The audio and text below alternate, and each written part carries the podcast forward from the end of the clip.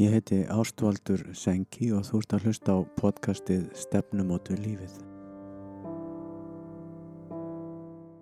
Þessi þáttur heitir Lífið með stóru elli og er darmaræða sem var tekin upp 12. februar 2022. Þessi þáttur fjallar um það hvernig buddhismi lítur á lífið og döðan. Góðan daginn og hjertanlega velkomin. Við erum alltaf glíma við hérna Facebook og, og hérna tæknina. Síðast heldum við einhvern veginn við værum komin með þetta allt á hreint en þá var ég á kvolvi fyrstu tíu mínúturnar en svo réttist ég við sko og, og hljóðið var nú svona svona og svona. en, en nú erum við búin að við erum búin að kaupa svona vél sem að getur tekið gott hljóð og hérna og mynd en við erum ekki búin að fá hana þannig að Þú ert á kvolfi. Er ég á golfi? Já. Já, Já ég er hvað sem er á golfi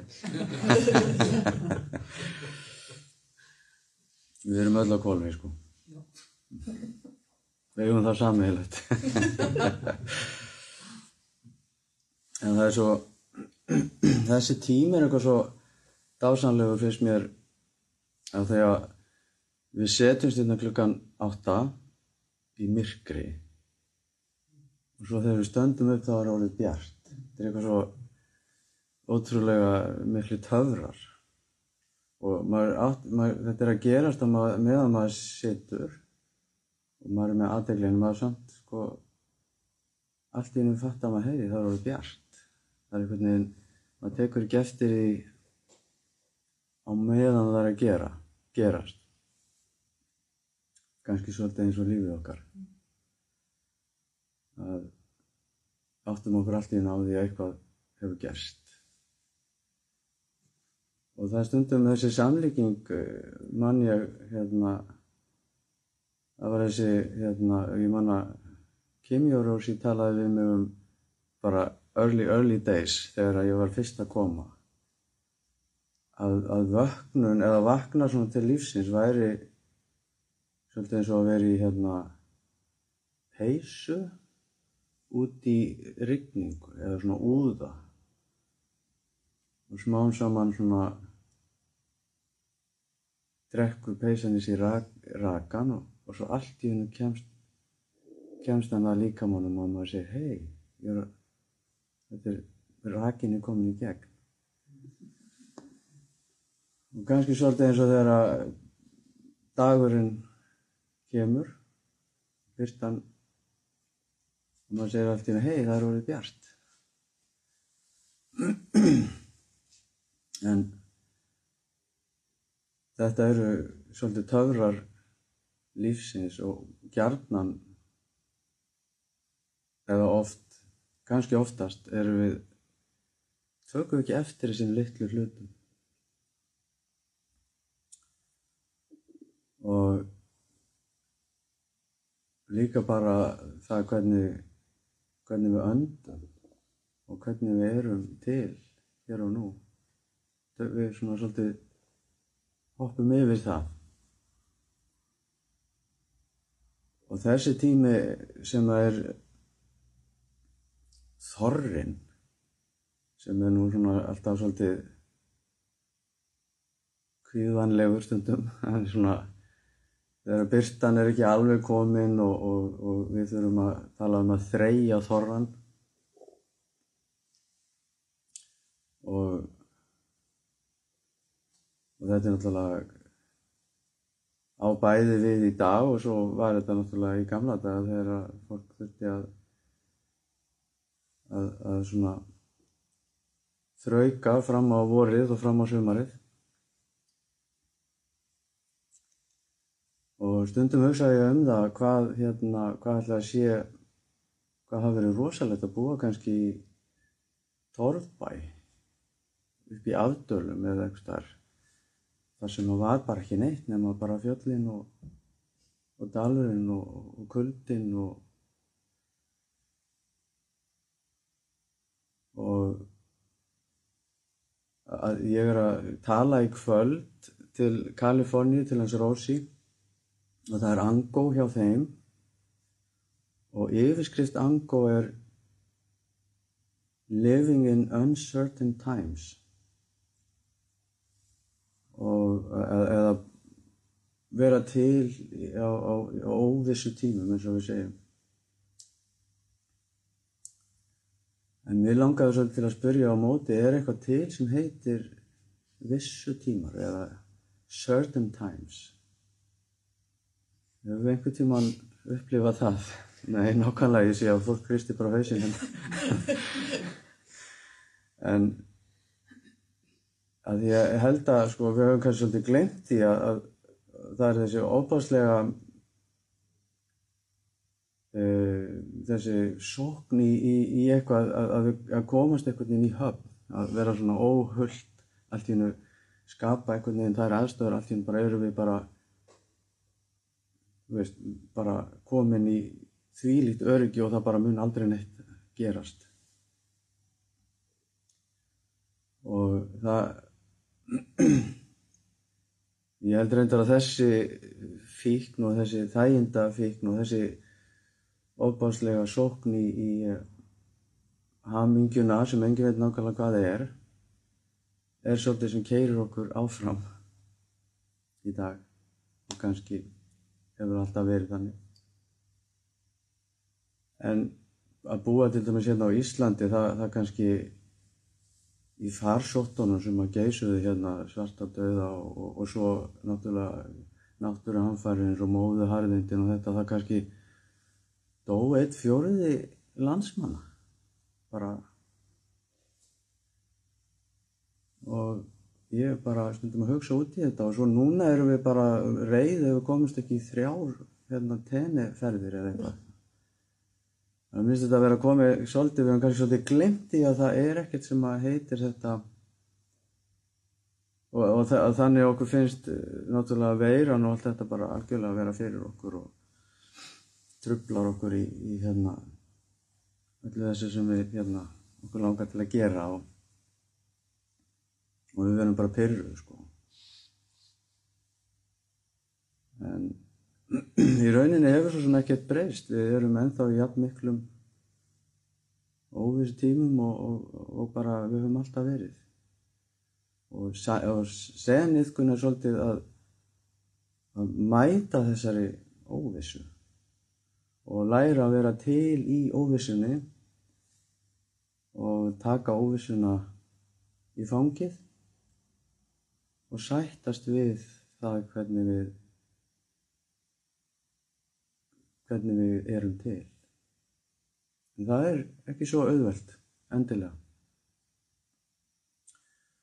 Og þess vegna langaði mig í dag til þess að tala um uh, líf og döðan. Og það er svona svolítið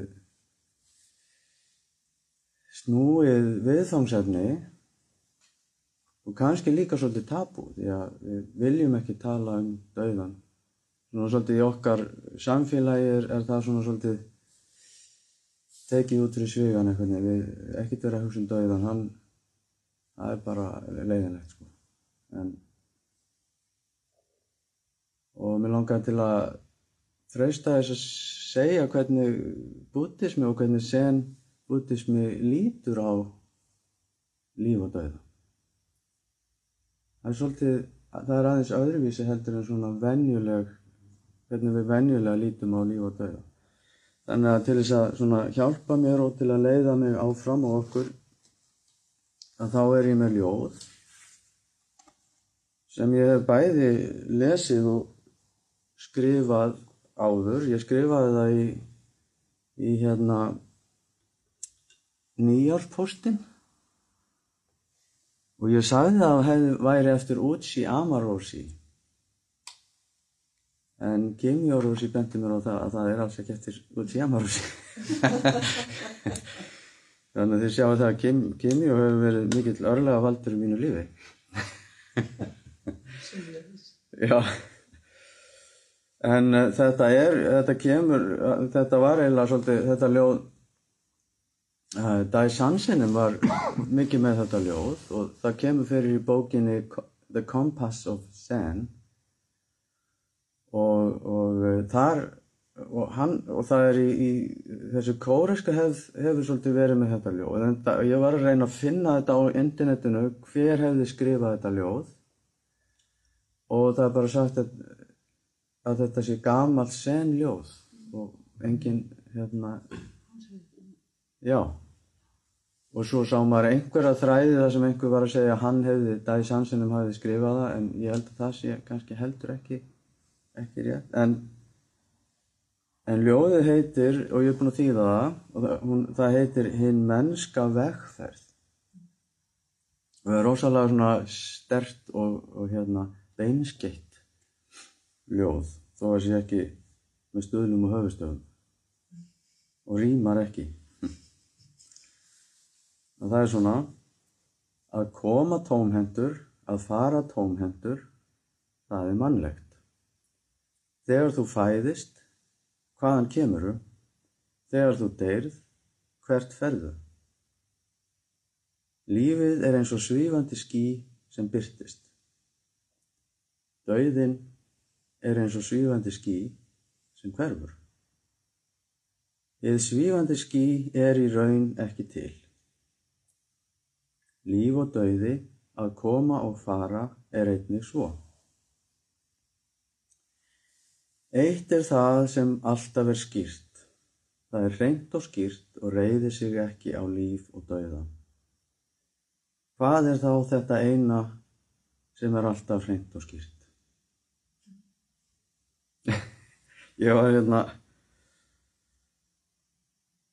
Já, ég skrifaði, þegar ég skrifaði nýjáspóstin, þá komur svona margar kvæðjur fyrir neðan og fólk var að segja takk fyrir þetta fallið ljóð og Og svo var það eitt sem spurði, já hvað er þetta?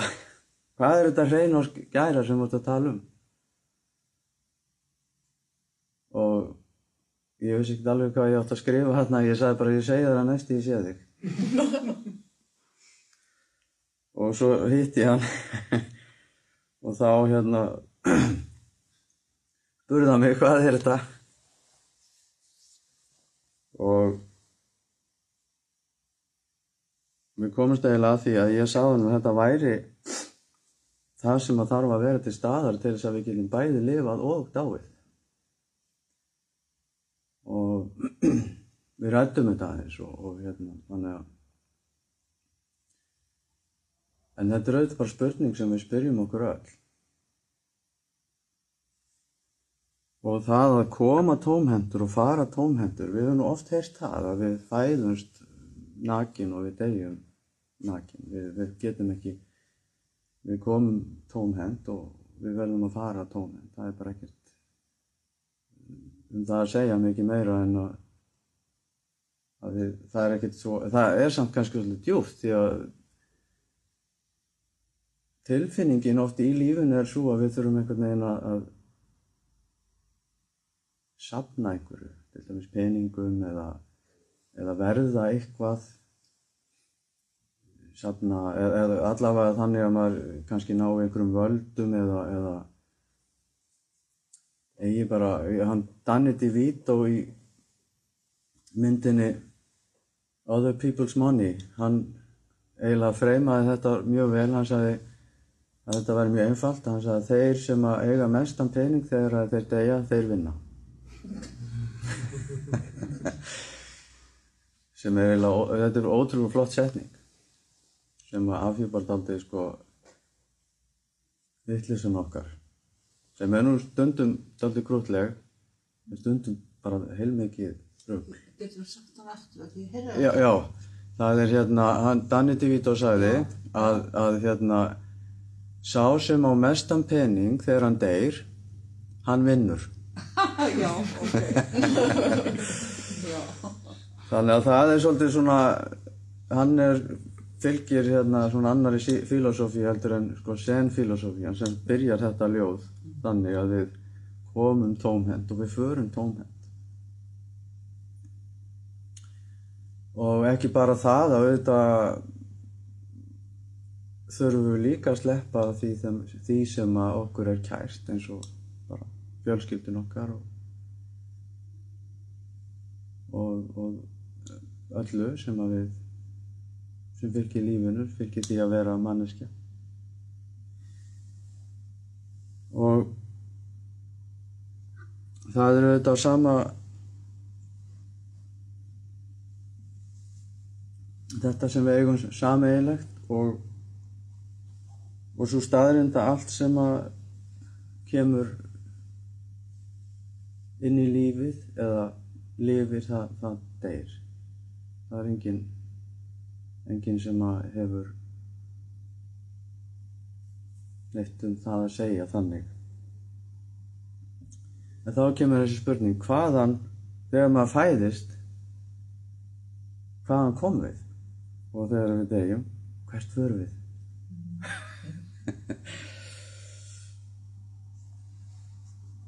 svona venjulega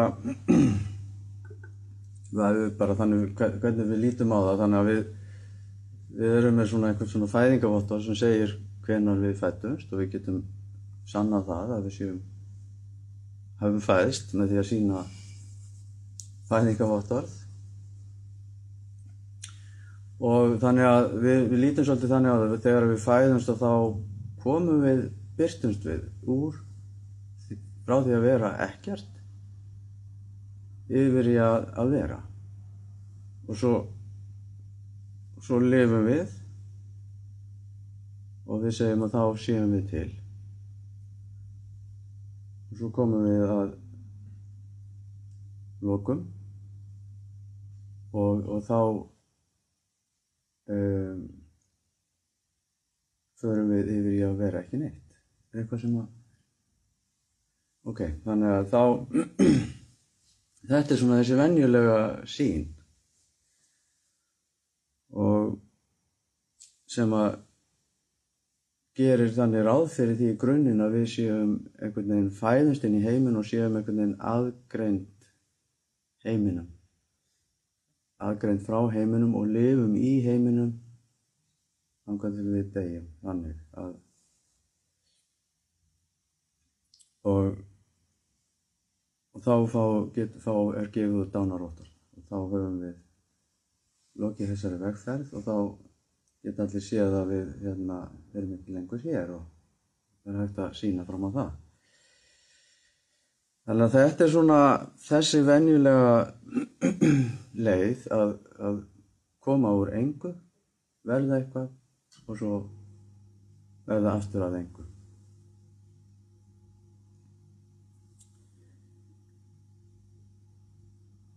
En í buddhismánum er ekki litið á lífið á þennan hátt. Og ég held að, að þegar að við höfum lífið og dauðan saman með okkur hér og nú, og þá höfum við tækifæri til þess að, að sættast fyrir að vera sátt. Og Og mér finnst það geta verið þessi hamingja sem við tölum oft um. Miklu frekar í formi sáttar yfir því hvernig allt er. Og þannig að í þessu ljóði er talað um ský að lífið sé eins og svífandi ský sem byrtist og að dauðin sé eins og svífandi ský sem að hverfur. Og af hverju myndum við segja það? En þegar eitthvað eins og ský byrtist, við getum séð ský, getum við sagt að það byrtist og komi úr engu. Hvað er raunverulega ský? Það er raki sem að þjættist og verður að einhverju sem við getum kallað einhvert form og leið og það fær form og þá höfum við nafn sem við gefum því sem við segjum ský. En byrtist það úr engu? Hvað var skýið áður en að það var ský? það var bara, það var rakin sem er í loftinu, í öllum, öllu lofti er raki. Og það er hitin frá sólinni og, og hvernig hitastýringin er og hvernig ský myndast. Að öll element sem að mynda ský voru þegar til staðar og þannig að það er ekki hægt að segja að skýið fæðist úr engu og verði svo eitthvað heldur var það eitthvað áður. Og má frekar segja að fæðing sé eins og umbreyting að það myndist eitthvað form. Og svo auðvitað þegar að skýið hverfur og þá hverfur þetta form en það verður ekki, ekki neitt. Það, það hverfur ekki og verður ekki neitt því að þetta heldur allt saman áfram.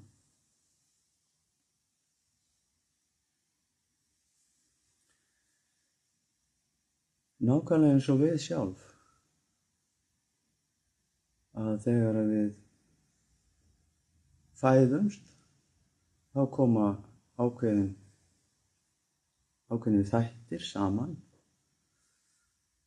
og í bútismannum er talað um sköndurnar fimm en það er það er hérna hvernig það er form, skinjun, hugsun, kvatir og vitund. Og þetta er þessi, þessi þættir sem að við segjum að, að myndast. Þegar þessi þættir koma saman þá, þá höfum við mannesku en í rauninni af því að það er ekkert sem að myndast þegar að manneskja að myndast ekki úr neinu. Og svo þegar þessi þættir fara frá hvoraðurum og manneskja hverfur að þá er bara þessi umbreyting og þess vegna segjum við við höfum það oft með því að segja tóm eða tómleiki uh, sanskrits uh, sunyata það er til þess að tjá eðli tilverunar og við getum sagt þá að eðli til allrar tilveru er engin fæðing og engin döiði og það er eðlið okkar. Má, Jú, erst þú til í að rétta með bjölluna þarna? Bara litlu bjölluna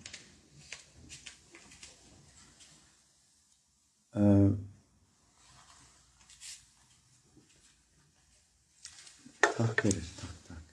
Að Þegar að við lítum á lífið sem þannig að, og lífið og döðan þannig að við byrstumst úr engu og svo hverfum við ekkert þessi sín er kölluð þjáning. Það, það, þessi þín, sín er þetta viðhorf það, það nærir þjáninguna að því að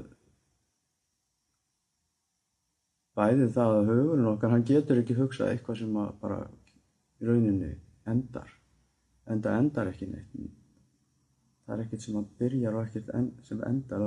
Það, það er reyndar bók kennar okkar sem heitir No Beginning, No End sem vísar til þessa eðlis. Og ástafan fyrir því að mér langar að sína ykkur bjölluna er að svona gerist lífið stöðugt? Og það sem fylgir þessu, þessari sín, þessari venjulegu sín er að, að það sé eitthvað svona áðan og svo kemur núið einhvern veginn og svo kemur framtíðin og, og geirist svona í gegnum okkur einhvern veginn. Þessi línulega hugsun sem er í sjálfum sér þjáning. Að sjá allt þannig er þjáning og þannig að við erum alltaf að hverja einstu stund er allur heimurinn að setja sig saman og hann byrtist og hverfur. Hann líður ekki. Þannig að hverja einasta stund er í eðli síni tóm og algjörlega laus við fæðingu og dauða. Þannig að til dæmis ef við hugsaum okkur bjöllu hljóm sem að kemur og svo hann byrtist og svo deyr hann út. Alveg eins og skýið er til áður en það tjáir sér sem ský og alveg eins og við erum til áður en við tjáum okkur sem personur að þá er bjölluljómurinn til áður en hann tjáir sér sem bjölluljómur. Þannig að þegar ákveðin element og þættir koma saman að þá kemur bjölluljómur. Þannig að ef ég bý til bjöllulljóm núna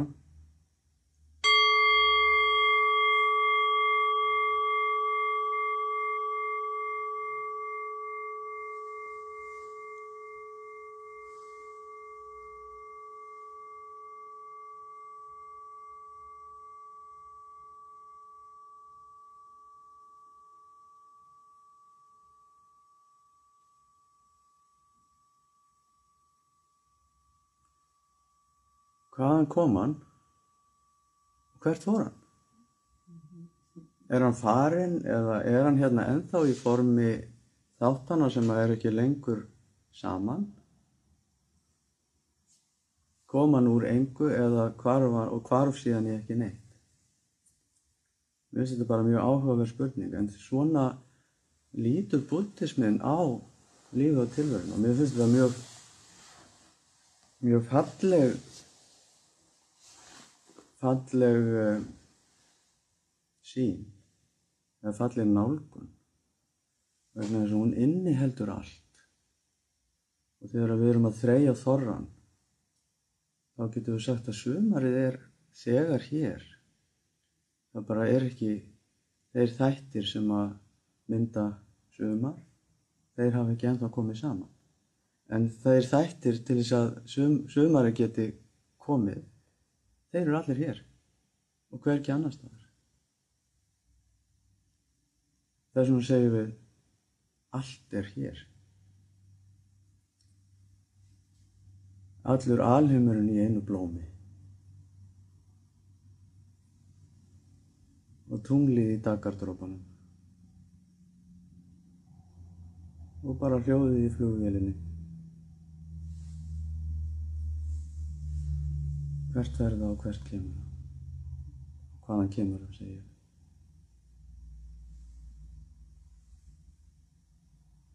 þannig að ég get mynda annan hljóm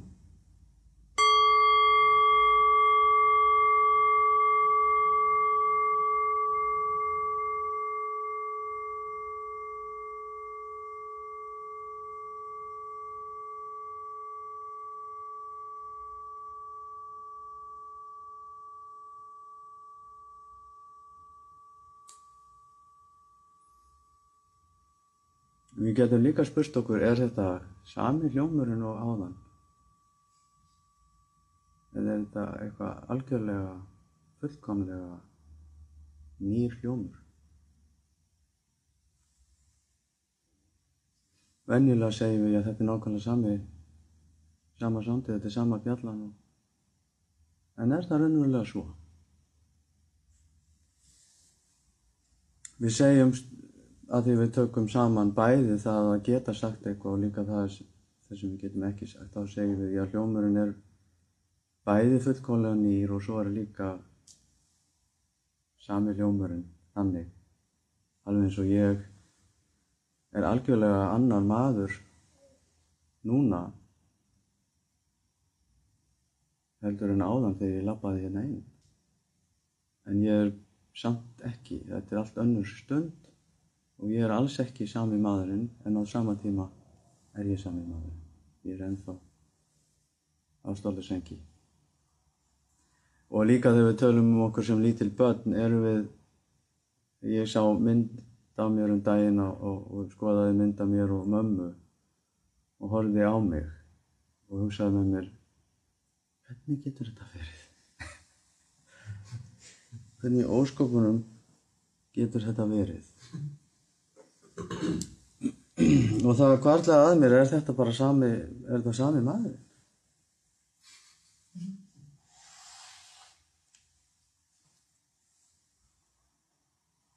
En það er bæði, er þetta sami maðurinn og líka ekki sami maðurinn.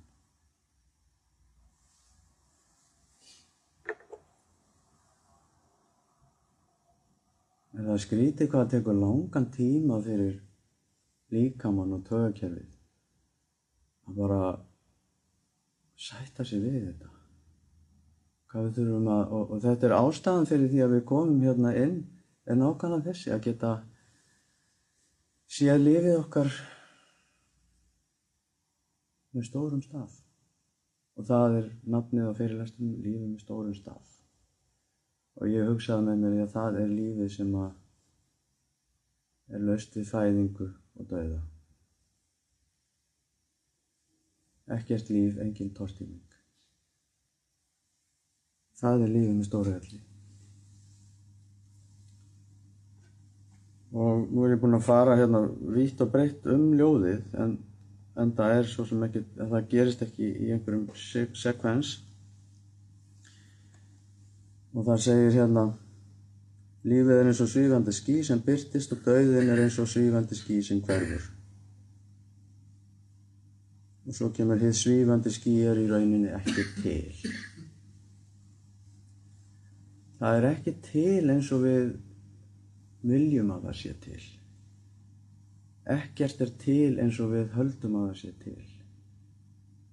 Jafnvel þó það taki á sig mjög sannfærandi form, eins og bara stóll eða ég eða einhver annar.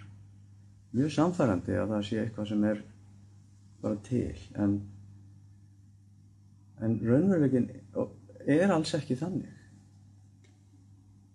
Þetta er bara ákveðin skinnjun sem að hjálpar okkur að feta okkur í gegnum lífi og finna okkur veit hvað klukkan er og fara til bíl og svona. Þetta, þetta er þetta bara allt yndislegt.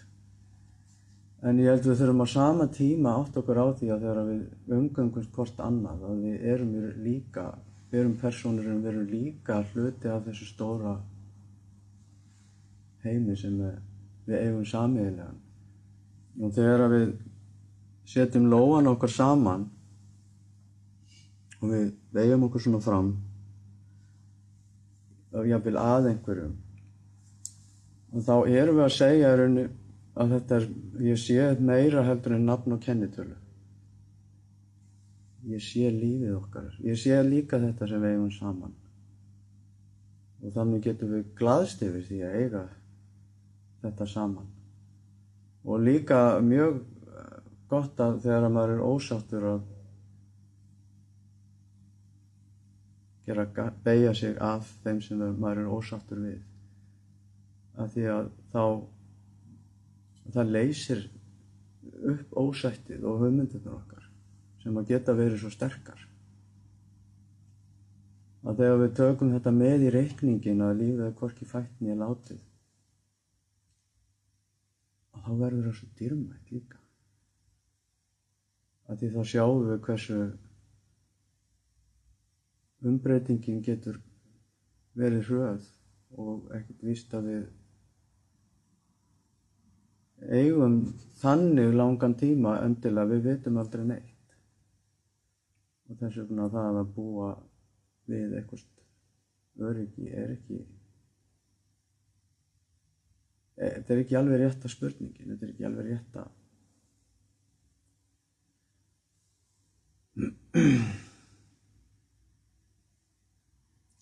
og þá náttúrulega líka blasir svolítið við spurninginu sem að ég man eftir að ég spurði mig, er Guð til?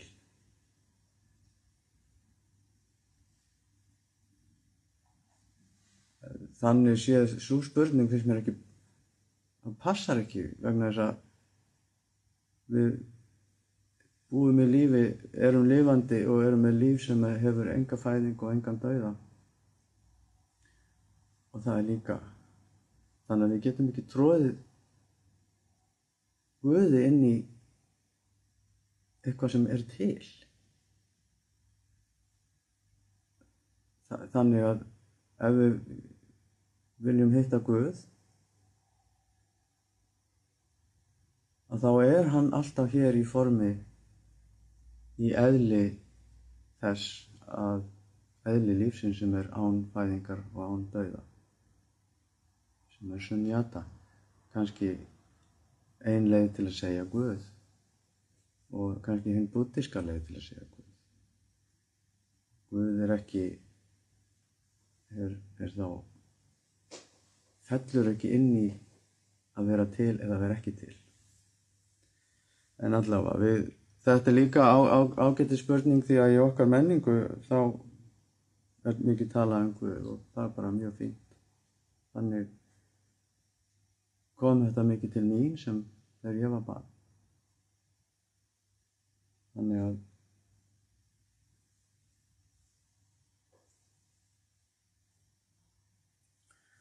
að ljóði segir svo líf og dauði að koma og fara er einnig svo. Það er að segja ekki til. Þannig oft höldum við að við séum að fara eitthvað. En við erum, erum aldrei að fara neitt. Við erum alltaf hér og nú. Og tí, þar alveg tími er hluti af þessari tími og rúm er þást ekki aðskilin.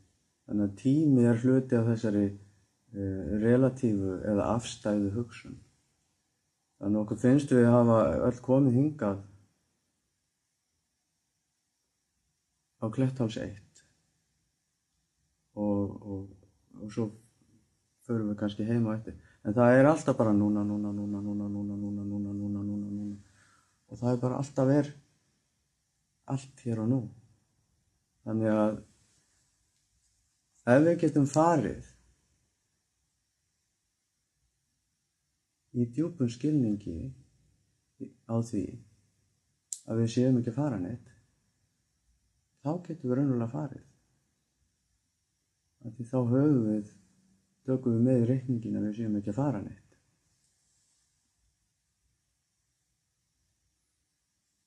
Það er líka mjög gott að hugsa þegar við erum upplöfum mjög sterkar kannski tilfýringar og erfiðar tilfinningar og mikla vannlíðan að vanlíðaninn og tilfinningarnir eru líka svona. Það er,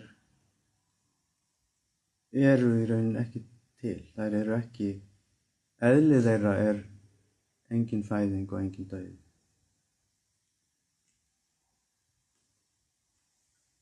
Þannig getum við setið með erfiðum tilfinningum og erfiðri líðan og séði og í þessu ljósi og þá er oft erfitt fyrir tilfinningar að vera til. Því að tilfinningar og erfið, erfið líðan og erfiðleikar þeir, það, það, þeir nærast á þessari hugsun að eitthvað sé raunverulega til. Þið veitir að það sé til eitthvað.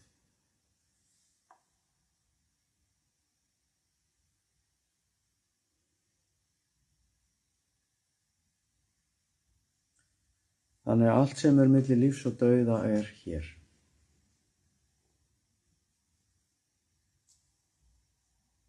Og eitt er það sem er alltaf, sem alltaf er skýrt, það er hreint og skýrt og reyði sig ekki á líf og dauða.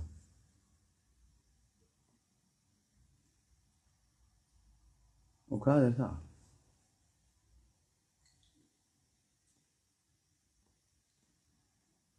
Það er líf. Já. Stóralli. Með stóri helli? Já.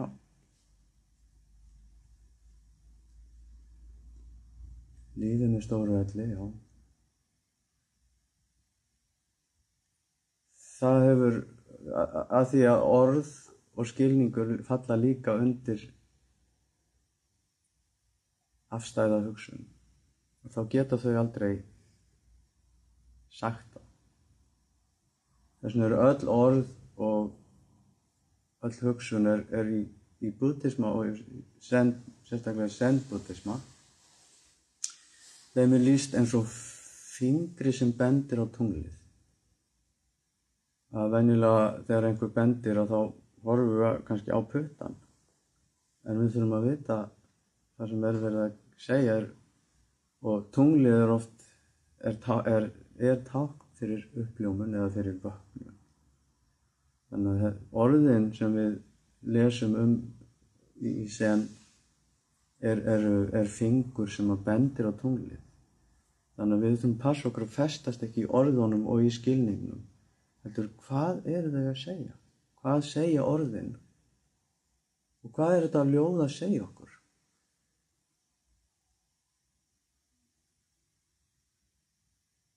Þannig að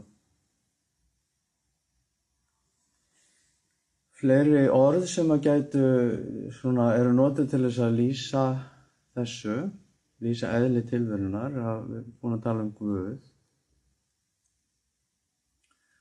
Við getum kannski sagt bara líka náttúran. Eða nirvana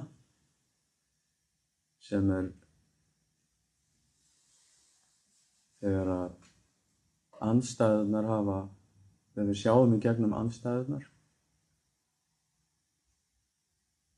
og eða eins og Suzuki Roshi talaði um as it is og það er oft það sem er, kemur í gegnum seni, það er bara þegar við erum hérna þá og, og erum búin að fara allan hringin og sjá að lífið er, við getum sagt form og svo getum við sagt það er ekki form. En svo bara getum við ekki annað sagt en það er bara eins og það er. Ekkert mikið meira um það að segja. Og þá getum við sagt bara góðan daginn og bara verið til Buddha eðli eða Buddha nature eðli hlutana núvitund eða hér og nú eru allt orð sem að vísa til þessarar vitundar. Lífið eins og það er eða þitt upprunalega andlit áður en þú fættist. Margar leiðir til þess að tjá þetta og, og við ættum öll að sjá þetta og tjá þetta líka.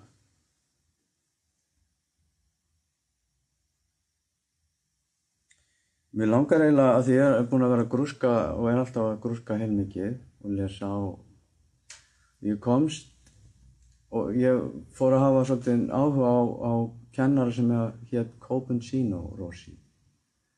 Og er einn af kennurunum sem að, þessum japansku kennurum sem komu á vestustrandina Suzuki Roshi og Kobunsino Shino og Katagiri Roshi, Maitsumi Roshi og örgulega fleiri sem að voru og komu. Þeir voru allir alveg rosalega svona klárir, að, að mér finnst það, mér finnst það gott að, að sjá hvernig þeir, þeir komu inn í þennan frjóa jarðveg sem var á þessum tíma í San Francisco, það voru þarna beatniks og, og þessi 68 kynsluð hipparnir og þetta var, það var svo mikil tækifæri og svo mikil frjór jarðveg fyrir svona fræ að, að taka sig. Góðmundsín Rósi var líka einn af kennurum kennara okkar.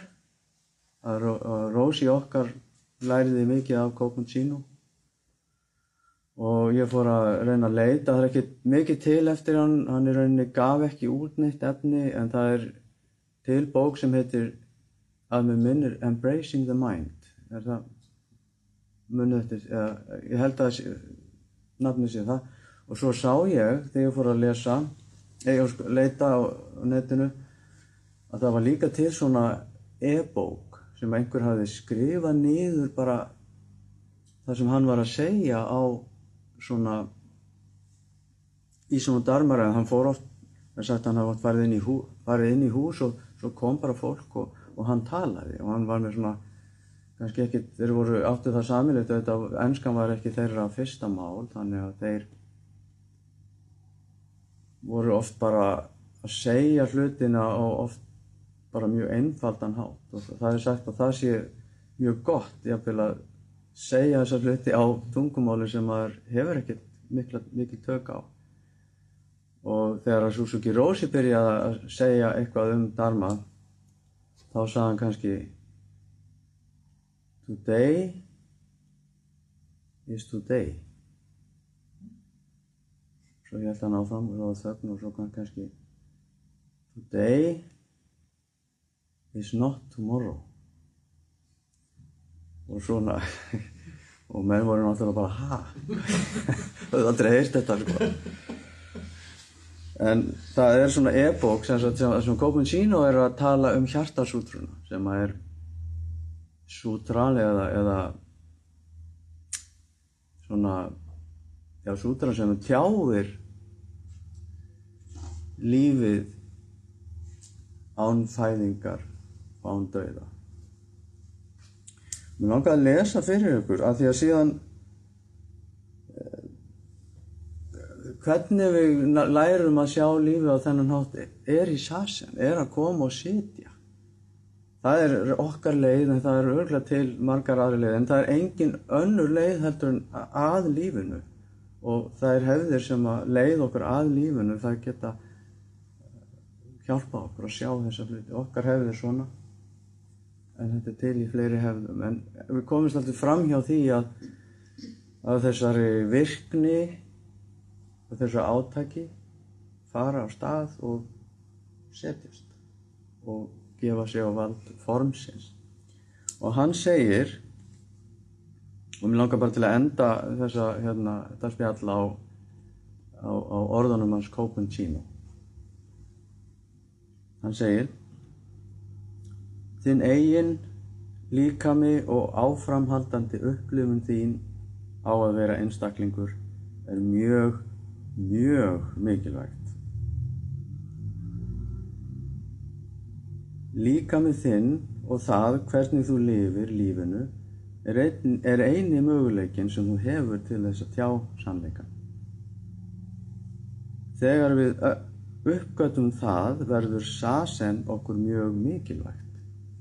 Sasen er, er sen hugleisla, sitjandi hugleisla. Líkaminn er mjög mikilvægur en stundum upplifum við okkur hæg og þung og finnst erfitt að vera til og að hugsa vel um okkur sjálf. Ef mér sýnir svo get ég gert mig þungan, hvenar sem er, þungan eins og stein. Aukið næmnina orðið þungur sem grjót og þá verður loftið jafnvel sásökafullt. En sem betur fer líður mér oftast hannig að mér finnst loftið korkið þungt nýja létt. Því við lifum í heimi sem er akkurat réttur. Ég var vanur að leggja mikla áherslu á hið andlega og það huglæga í sasen en undanfarið hefur mér fundist jafn mikilvægt að leggja áherslu á líkamann. Þinn fullkomna vöknun er ekki bara fyrir hugan, þetta er líka fyrir líkamann. Í fullkominni vöknun getur líkaminn ekki verið hægur og þungur. Þegar við sjáum djúft, uppgötum við að hugur og líkami eru ein heild. Þessi eina heild er síkvik og ómögulegt að klófesta hana eða fanga. Af þessari ástæðu inniheldur yðkun okkar allt. Tíminn sem fer í yðkun felur í sér vöknun. Ef í yðkun þinni þú gleymir að þú ert að yðka, upplifur þú ekki erfiðleikana.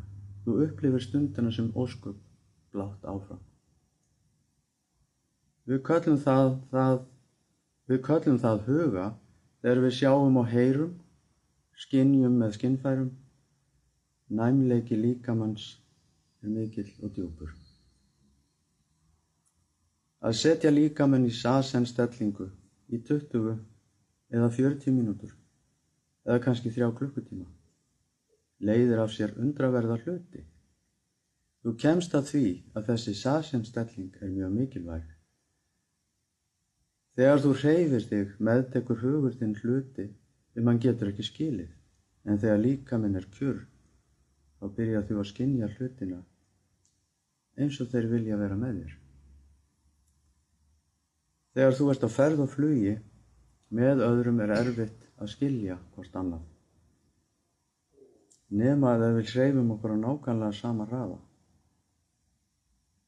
Í saseniðkun gefur þú þig alla, líkama og hug. Leifir þér að vera eins og þú ert og leifir öllu að vera eins og það er. Um leið og það hverfur.